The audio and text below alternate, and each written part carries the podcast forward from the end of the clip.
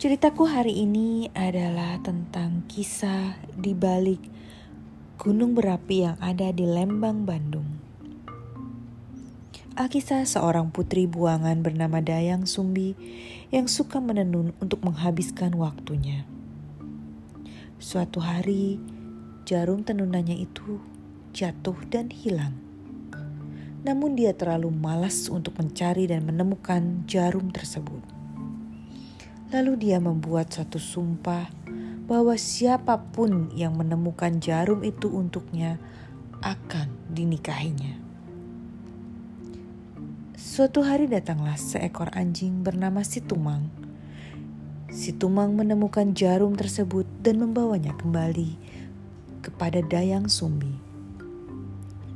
Ternyata anjing tersebut adalah dewa yang dikutuk untuk hidup sebagai seekor anjing. Lalu Dayang Sumbi dan Situmang menikah dan melahirkan seorang putra yang tampan dan diberi nama Sangkuriang.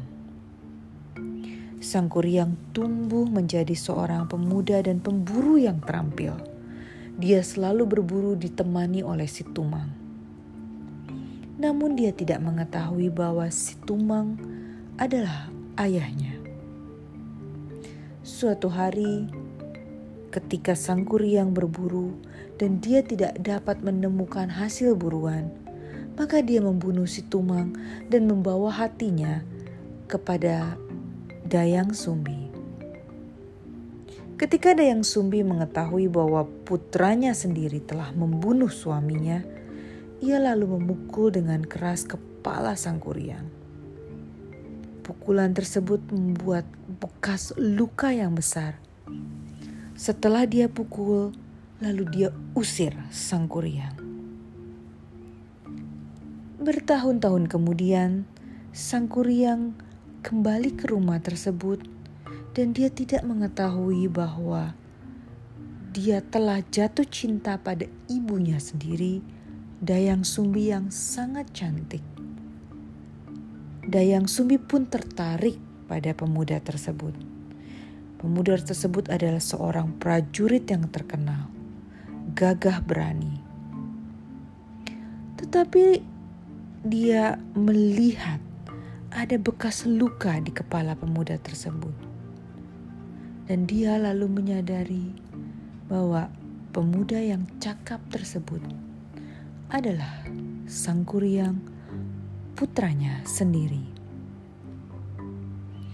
Untuk menghentikan niat sang kuryang menikahi Dayang Sumbi ibunya, Dayang Sumbi meminta sang kuryang untuk membuat danau dan juga sebuah perahu besar yang dapat dipakai berlayar dan harus selesai sebelum fajar tiba.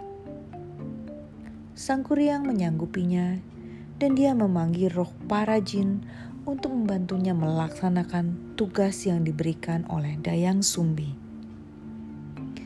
Khawatir sang kuryang betul-betul berhasil mewujudkan permintaannya, Dayang Sumbi berdoa agar pagi datang lebih awal dan juga dia menggunakan selendang ajaibnya untuk membuat sinar matahari. Sang kuryang merasa putus asa dia merasa dan berpikir bahwa ia telah gagal dalam tugasnya. Dia tidak dapat menikahi wanita impiannya yang sebetulnya adalah ibunya sendiri. Sang kuryang dengan marah menendang kapalnya yang setengah jadi terbalik di danau tersebut. Sehingga kapalnya yang terbalik berubahlah menjadi gunung yang sekarang ini kita kenal dengan Gunung Tangkuban Perahu.